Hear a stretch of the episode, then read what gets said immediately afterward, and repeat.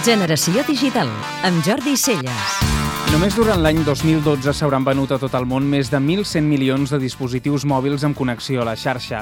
Aquestes dades, fetes públiques per la consultora IDC, demostren que el creixement anual en vendes de mòbils intel·ligents, tauletes tàctils i ordinadors portàtils es manté estable al voltant del 15%, un mercat imparable que marcarà cada vegada més força els hàbits socials durant els pròxims anys.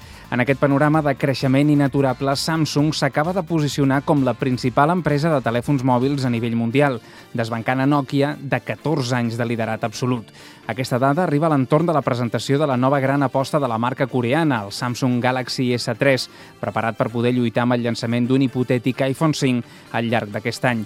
De fet, només Samsung a través dels seus telèfons Galaxy equipats amb Android, ha aconseguit crear un producte capaç de competir amb els iPhone d'Apple en qualitat, potència i presència al mercat. Fins i tot s'ha atrevit a innovar creant una nova categoria amb el Samsung Galaxy Note, a mig camí entre un telèfon intel·ligent i una tauleta tàctil. Una vegada tancat el primer quart de l'any, Samsung ha venut 93 milions de dispositius, Nokia ha estat la segona amb 83 milions i Apple, en tercera posició, n'ha venut 35. De totes maneres, aquestes dades s'han de posar en el context del mercat més competitiu i de més creixement, que és el dels smartphones. Si només tenim en compte els telèfons intel·ligents, Samsung continua liderant amb 44 milions de dispositius, Apple es queda segona amb 35 milions i Nokia queda lluny amb només 11 milions. Els números deixen clar que Nokia és una empresa del passat, fins avui encara s'havia mantingut la màxima que, tot i no estar ben posicionada en els nous dispositius, Nokia continuava sent la primera empresa mundial en venda de mòbils. Una vegada trencada aquesta màxima inalterable durant els darrers 14 anys, serà difícil aconseguir canviar aquesta tendència. Més encara si fem cas a les escasses primeres xifres de vendes dels seus models Lumia amb Windows Phone en comparació amb els seus competidors.